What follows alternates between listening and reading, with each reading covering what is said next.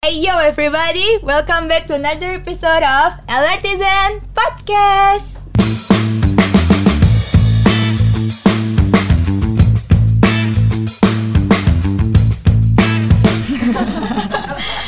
so Alertizen, hari ini adalah episode yang very very special karena di sebelah gua hari ini bukan seorang botak berotot tapi adalah seorang perempuan yang anggun dan bijaksana. Bisa kenalan dulu dong. Halo Siapa semuanya. namanya? Nama saya Lita. ya nama saya Lita. Instagramnya apa dong? Uh, Kita tuh anak milenial kalau kenalan tuh udah harus sepaket sama Instagram Oke, gitu. Instagram gue Normalita EP. Ya. Oke, dan seperti biasa di sini ada gue Caca at Cacarin. Nah, hari ini gue sama Mbak Lita kedatangan tamu yang juga istimewa banget karena hari ini itu temanya kita girls power. Kayak jadi di sini kita cewek-cewek semua, no boys allowed ya. nah, hari ini kita mau bahas apa nih Mbak Lita? Kita mau bahas tentang aspek legal di dunia properti. Oke, kayaknya berat tuh ya. Iya. Kayak beban hidup saya gitu berat Enggak, kan? enggak enggak enggak berat-berat ya. banget. Ya, Oke. makanya kita bahas ini biar kita tahu. biar kita makin berat enggak enggak. Biar lebih tahu aja. Oke, jadi buat LRTizen yang penasaran siapa sih bintang tamu kita hari ini? Langsung aja kita sambut Mbak Erma. Gimana kabarnya Mbak Erma? Oke, jadi seperti yang udah kita bilang tadi, kita hari ini akan Q&A ya sebenarnya kebanyakan karena teman-teman LRTizen ini tuh masih pada penasaran kira-kira kalau kita beli properti khususnya ya mau landed itu atau mau apartemen mungkin karena teman-teman ini juga banyak yang millennials abis gitu kan jadinya kurang ngikutin atau mungkin kurang paham mengenai dunia perlegalan ini terutama di properti. Nah, ngomong-ngomong soal legal ini tuh sering banget tuh kita denger kayak em, strata title strata title gitu. Pertama kita akan bahas masalah apartemen dulu deh. Orang tuh kalau udah beli apartemen dia akan bilang dapat strata title, Title, strata title. ya. Nah kita yakin juga semua LRTizen tuh penasaran sama istilah strata title ini. Sebenarnya apa sih mbak strata title itu? Ya, jadi sebetulnya eh, istilah strata title yang sering kita dengar Mhm. itu tuh sebenarnya kan nggak ada di kamus Kepustakaan Hukum Indonesia ya. Tapi kalau dari apa sisi penggunaan istilah itu tuh sebetulnya bisa diartikan sebagai apa eh, hak milik atas satuan rumah susun. Apa Oh, sih rumah gitu. susun itu kayak apartemen, eh, kondominium atau flat itu eh, Oh, disebut sebagai gitu. strata title. begitu. Jadi bukan pemahaman yang salah juga dong ya kalau Iya. orang-orang mikir beli apartemen dapat strata title gitu. Hmm, iya orang melihatnya udah mindsetnya udah pasti apartemen gitu. Oke, merujuknya juga udah pasti apartemen Iya, ya. bangunan Hmm. bertingkat rumah vertikal ke atas begitu. Oke oke. Nah, kenapa sih asal mulanya gimana bisa si strata title ini tuh ucuk-ucuk gitu kayak Ucuk-ucuk. lazim banget digunakan di Kenapa akhirnya disebut Iya. begitu ya? Siapa yang ngajarin orang si Eh, strata title ini? strata title itu kalau yang eh, aku tahu ya, Mhm. sebenarnya pertama kali di, di, di- digunakan oleh masyarakat di Australia waktu itu. Kalau Oke, nggak salah Australian. tahun Australian ya. tahun 61 deh kalau nggak salah. Udah lama juga ya? Iya, dari dulu mungkin karena berangkat dari apa ya kayak kebutuhan orang akan lahan tuh kan semakin sedikit ya, apalagi untuk kota-kota besar gitu. Oke. Jadi memang istilah itu tuh banyak dipakai oleh negara-negara yang memang menerapkan strata title, kayak Australia, kayak Singapura kan Singapura itu kan apa rumahnya jarang ya yang Iya, landed betul. house Ya. itu Dan mahal bingo Ya, jadi yang landed. Ya, jadi bangunan bertingkat vertical house itulah yang akhirnya dipilih orang sehingga disebutlah kita jadi ketularan tuh. Jadi Oke. makanya istri, istilahnya strata title juga gitu. Oke, Gitu sih. Tapi menurut Mbak Irma sendiri nih, penggunaan strata title di Indonesia itu udah bener belum sih? Hmm, sebetulnya hanya untuk apa? menyederhanakan pemahaman konsep aja Oh. sebagai kepemilikan bersama. Apartemen itu kan kepemilikan bersama ya. Iya, Poinnya adalah kan kita hanya hak kebendaannya kan hanya bangunannya saja. Mm-mm. Jadi karena diseb- karena memang eh, kepemilikan bersama, jadi eh, udah disebut strata title sampai sekarang, am- dipakai sampai sekarang begitu. Oke. Kita akan langsung lanjut ke sertifikat-sertifikat nih. Oh, Iya. Pembelajaran Berat tentang berat. sertifikat nih. Ya, oke. Mungkin saya oper saja ke partner saya selaku staff legal di PT Adi Commuter Property. Saya undur diri. Eh, sebagai yang kita tahu nih Mbak Emma, banyak banget sertifikat-sertifikat yang ada di Indonesia ini. Terus warnanya itu beda-beda. Mm-mm. Itu tuh maksudnya apa sih dari warna-warna itu semua? Apakah ada ciri khas khusus atau ada eh, apa ya arti khusus Arti tentang warna-warna itu semua gitu? Ya, pertanyaan agak sulit tapi susah dijawab. Eh, agak agak mudah tapi susah dijawab iya, cuman, sebenarnya. cuman masalah warna Cuma cuy. warna. Iya. Tinggal lu fotokopi kertasnya apa gitu dong. iya. Oh, beda ya. Iya, beda. Jadi kalau sertifikat di Uh-uh. Indonesia itu kan ada dua warna ya. Mm-mm. Ada warna hijau dan warna pink ya. Pink. Oh, muda aku mau ya. yang pink. muda. Nah, itu khusus untuk apartemen tuh kalau yang Oh warna gitu. pink itu. Iya. Yaudah aku akan beli LRT City. Kalau hijau itu eh, apa? Hak milik, hak Mm-mm. pakai, hak guna bangun, hak guna usaha itu warna Mm. hijau Iya. gitu. Perihal kenapa dipilih warna ini, aku juga belum tahu tuh jawabannya kenapa. Kenapa Gitu, nggak warna karena- abu-abu bakso sebenarnya gitu loh mbak yang tidak agak ada sulit. peraturan baku gitu. Mungkin Oh, mungkin gitu. ya asumsi aku tuh begini mungkin ya. Dulu tuh kenapa oke deh hijau aja gitu. Mm-mm. Mungkin karena berkaitan dengan uh, land landed house ya. Jadi mungkin ya udah hijau aja deh kayaknya hijau-hijau gitu. Oh gitu, Kali karena ya. dekat rumput ya. mungkin ya. Terus Karena- kenapa kalau yang apartemen pink dong? Nah itu kenapa ya? Nanti deh itu PR. Nanti aku PR tanya. ya. Ha, Nanti buat teman-teman yang mau Ya. tahu updateannya bisa langsung cek Instagramnya Mbak Herma. Iya. Et apa Mbak? Eh, aku karena ibu-ibu sejati jadi eh, ibunya Talulah Taki. Oh, kyowo. Coa. ya, oke. Terus berlanjut dari si sertifikat-sertifikat lagi nih. Eh, gua nggak ngerti sih sebenarnya. Kan tuh kayak ada SHM, SHGB, SS yang lain, Iya. S tungtung gitu kan. Oh, iya. Nah, itu beda-bedanya apa sih, Mbak sebenarnya? Dan yang perlu diperhatikan dalam kalau kita mau beli properti, khususnya mungkin apartemen ya. Apartemen itu yang harus diperhatikan sertifikat itu yang harusnya apa gitu. Landed harusnya apa gitu. Mungkin kan teman-teman masih pada penasaran juga ya. Ya kan? Kalau landed house biasanya SHM dan SHGB ya. Kenapa dua? Gak boleh satu aja. Eh, Hmm. Kalau pertama kali dikembangkan oleh pengembang biasanya kan dia dapatnya SHGB dulu, kemudian bisa peningkatan hak namanya menjadi hak milik gitu. Oh, SHGB adalah Itu perbedaannya apa tuh, Sertifikat Mbak? Hak guna bangunan. Hmm, itu yang gue butuhkan. Oke.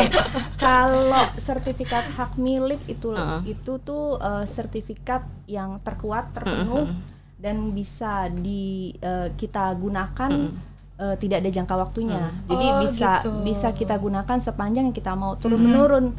Bisa dari ke anak ke cucu gitu. Oh, Jadi bisa tidak ada jangka waktunya habisnya begitu. Dijual juga harus SHM berarti statusnya. Iya, Oh. terkuat terpenuh.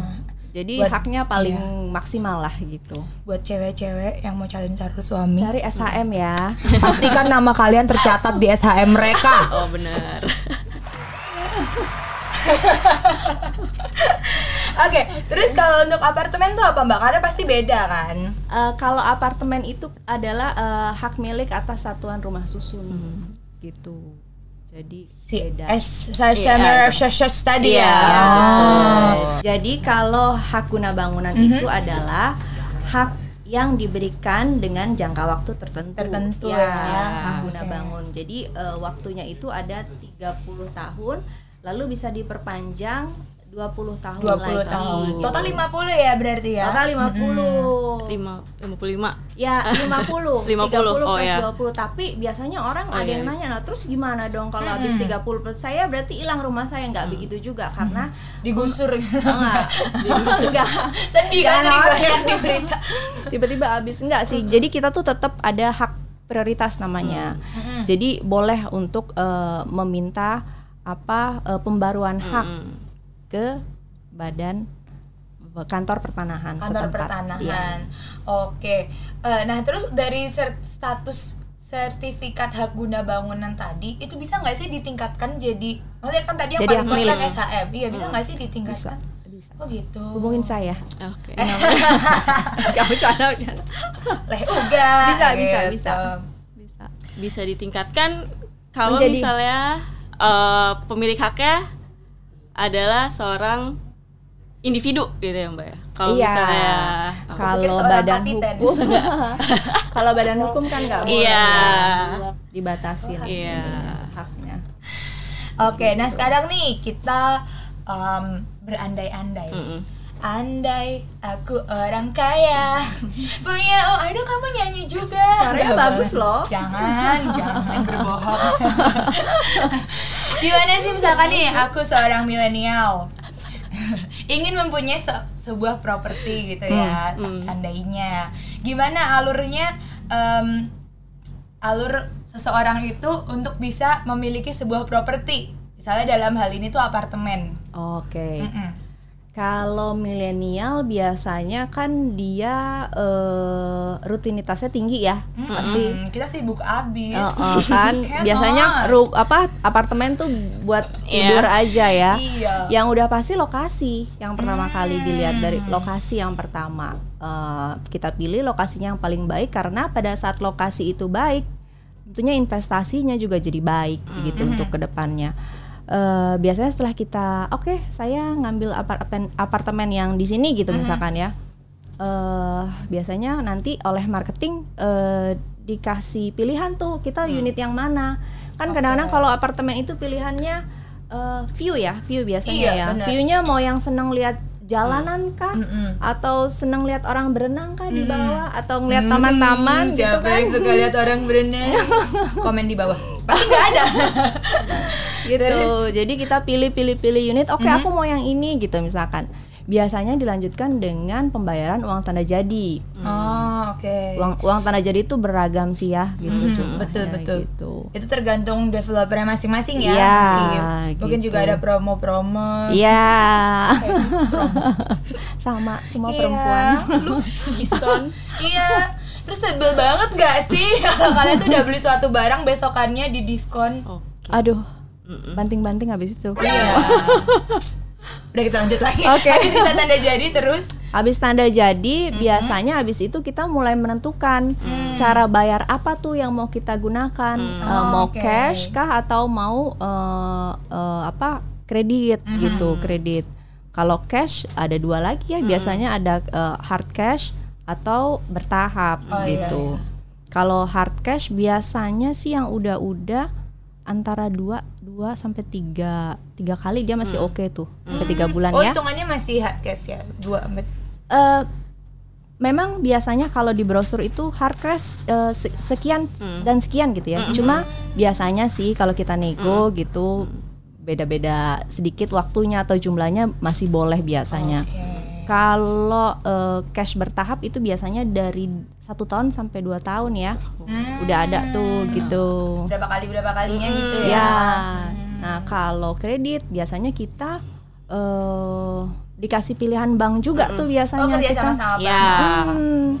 Biasanya dari bank juga ngelihat tuh BI checking kita. Iya. Kira-kira eh, kita mengajukan ini mampu nggak untuk membayar setiap bulannya, begitu kira-kira. Habis dari situ PPJB atau kalau misalkan yang kredit eh, apa tanda tangan perjanjian kredit. Cut itu ya Ya, habis itu kalau udah pecah pecah sertifikatnya eh, pe- habis PPJB, AJB kalau yang cash kan. Iya. Habis itu eh, balik nama, balik nama udah deh disimpan tuh sertifikatnya. Baik-baik cool gitu. cool abis Anjir, belinya yang ini aja, Ca. Yang, Yang apa? hard cash. Iya. Iya. Enggak nggak punya duit. Oke, tadi kan kita ngobrol tuh buat beli apartemen, ada hard cash, ada cash bertahap, terus ada kredit, sampai endingnya kita udah tuh punya si sertifikat yang pinky-pinky gemas itu kan. Hmm. Nah, apa aja sih hak yang dipunyain sama pemilik apartemen? Apakah mungkin yang bayar hard cash sama soft cash? Beda sama gitu. nyicil 100 tahun kayak saya tuh nanti beda gitu. Enggak dong. Namanya kita udah apa eh, serah terima gitu kan haknya sudah sama. Jadi nggak dikasih tahu tuh yang itu, yang unit itu bayarnya belum selesai gitu Oh. enggak. Biasanya nanti tetangga kayak, aman aman aman. Itu yang rumah nomor 11 itu masih ngutang tau Iya, biasanya. Ibunya anak ajakin dia arisan Oh my god bayar rumah aja susah Enggak, ya, enggak. ya, arisan gitu Jadi haknya itu udah pasti kalau di apartemen kan pasti fasilitasnya banyak. mm. Eh, apa haknya me- menikmati fasilitas, Mm. lalu Oke. Dapat perlindungan juga tuh karena kan biasanya di apartemen itu ada eh, perhimpunan penghuni ya, perhimpunan penghuni. Nah, kita wajib juga tuh eh, mendapatkan hak untuk dilindungin sesuai dengan ADART-nya. Oh. Kemudian berhak juga untuk eh, dipilih dan memilih pengurus gitu. Jadi ada pemilunya sih, pemilunya gitu. ketua RT gitu kali ya Iya. Gue mikirnya kalau udah tinggal di apartemen kayak bisa lo gue N gitu ternyata masih ada Ada. ada ketua RT-nya Iya, nanti ada ketua RT-nya. Jadi itu kewajiban-kewajiban sekalian ya. Iya. Apa itu yang harus diikuti oleh penghuni Haknya, apartemen. haknya hak kita gitu. Gitu millennials. Eh, LRT Zen. Tadi kan udah kita bahas nih Mbak tentang hak-haknya. Ternyata haknya itu sama aja setiap penghuni apartemen itu. Nah, kalau kewajibannya tuh gimana nih Mbak? Apakah beda juga atau sama juga kewajibannya mereka semua? yang gitu? bayar kredit suruh Uh-uh. kerja bakti tiap hari. Iya, Oh karena kredit gitu. Eh, Jahat ya, kerja Rodi itu jahat. enggak tenang itu enggak ketahuan kok. Oh, itu Iya, ketahuan Enggak, ya. enggak, enggak Di pintunya ditandain pintunya. Ada warnanya nomor rumahnya. Iya. Jadi kalau kewajiban eh, dari penghuni apartemen itu biasanya udah pasti bayar eh, iuran pemeliharaan ya. Sama kayak kalau kita tinggal di landed house itu kan pasti ada bayar Iuran uang sampah, ya iuran IPL ya. IPL. Nah, yang membedakan mungkin ya kalau aku nggak tahu kalau di LRT ini ya. Cuma biasanya ada pembayaran eh, asuransi nggak? Asuransi biasanya ya. Karena begini, kepemilikan bersama itu kan pada saat misalkan nih Satu amit-amit orang ada satu orang Menyebabkan. kompor ya. Nah. Iya. Nah, kan semuanya jadi tanggung renteng gitu semuanya. Nah, biasanya dia itu ada eh, eh, bayar premi asuransi deh, semuanya Ah, wajib. oke. Ya, biasanya wajib tuh karena untuk menjamin Demi kepentingan keamanan bersama. bersama, iya memelihara kepemilikan bersama ini kan gitu. Habis itu eh, kewajibannya udah pasti memelihara lingkungan, kebersihan dan lain sebagainya, begitu. Tapi nih Mbak, kalau misalkan kayak kita tinggal di landed house, Hmm. kan kita paling kalau lingkungan tuh yang udah di luar pintu rumah tuh paling cuma nyapu teras sama halaman ya. Hmm. Ini kalau kita buka pintu kan lobby tuh panjang banget. Itu kita wajib nyapu lobby juga. Ah, itu ada diambil dari uang IPL itu. IPL itu. Oh, jadi udah ada. Udah Aku ada. kira nanti Jadi buka- kolam renangnya bergilir. Enggak, Enggak buka pintu dong. tinggal pergi aja. Maaf ya, kamu pasti malu berdampingan dengan aku sekarang. Enggak kok nggak malu gitu kan. Oke, jadi tujuan dibentuknya perhimpunan peng- penghuni itu tuh untuk menjaga keamanan dan Menyelas kenyamanan. Iya. Menyelaraskan kehidupan. Biar guyup, biar gotong royong dan lain sebagainya gitu. Filosofi Biar sekali. kayak- kita tepuk tangan dulu. biar kayak tinggal di kompleks gitu oh Kak. iya, betul. Heeh. Bisa rumpi-rumpi lucu. Iya, Mungkin nanti antara dua eh empat pintu kita beli lincah yuk bareng nanti buat gosip-gosip. Itu bangku yang dari bambu kalian nggak tahu lincah. Please yang tahu lincah komen di bawah kasih tahu gua nggak sendirian di sini. lincah bahasanya. kan kalau misalnya apartemen itu udah ada perhimpunan penghuni ya mbak. Nah tugasnya tuh apa sih terhadap hak kewajiban si penghuni apartemen itu semua Oh iya, gitu. Pak RT-nya Pak RT-nya ngapain? Tugasnya itu eh, udah pasti menjamin hak ya. Mm-mm. Jamin hak-hak dari para penghuni. Misalkan ya, ada waktu itu eh, cerita, tapi saya yakin sih kayaknya LRT City enggak ya. Enggak ada. Oh belum. Jadi Belum, belum. ada eh, apartemen yang pengembangnya entah ke mana. Mm-mm. Eh, mereka belum bisa memiliki si sertifikat ini. Nah, tugasnya para apa pengurus ini adalah menyuarakan hak-hak.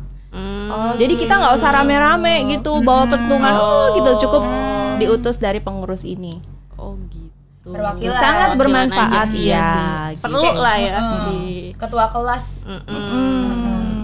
Gitu. Oke Mbak, kita nggak terasa udah banyak banget yang kita obrolin ya dari A sampai Z dari gimana millennials dan LRTzen ini bisa memiliki properti itu alurnya gimana dari A sampai Z ya.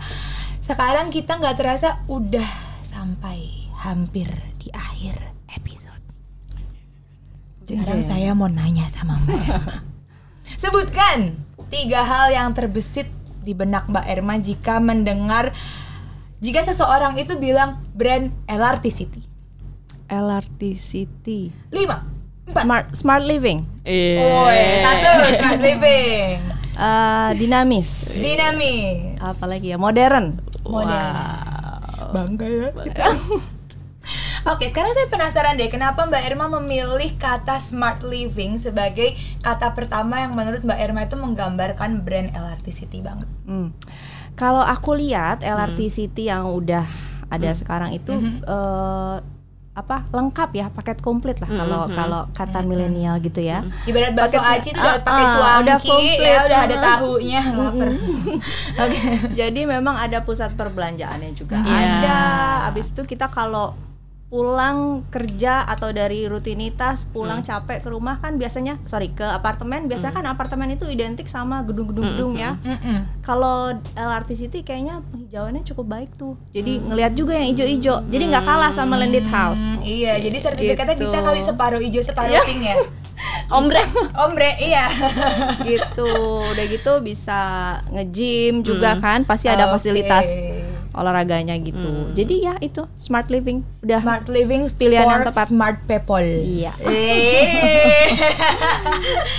Oke, Lartizen gak berasa kita udah sampai di akhir episode. Semoga episode kali ini bermanfaat buat kalian yang lagi cari-cari properti. Bisa nambah pengetahuan juga Oh my bagi god, kalian. cool banget. Iya. Dan buat teman-teman yang punya saran, kita mau bikin podcast apa next di LRTZen Podcast, jangan lupa komen di bawah, like and subscribe. LRTZen Podcast, live up your life.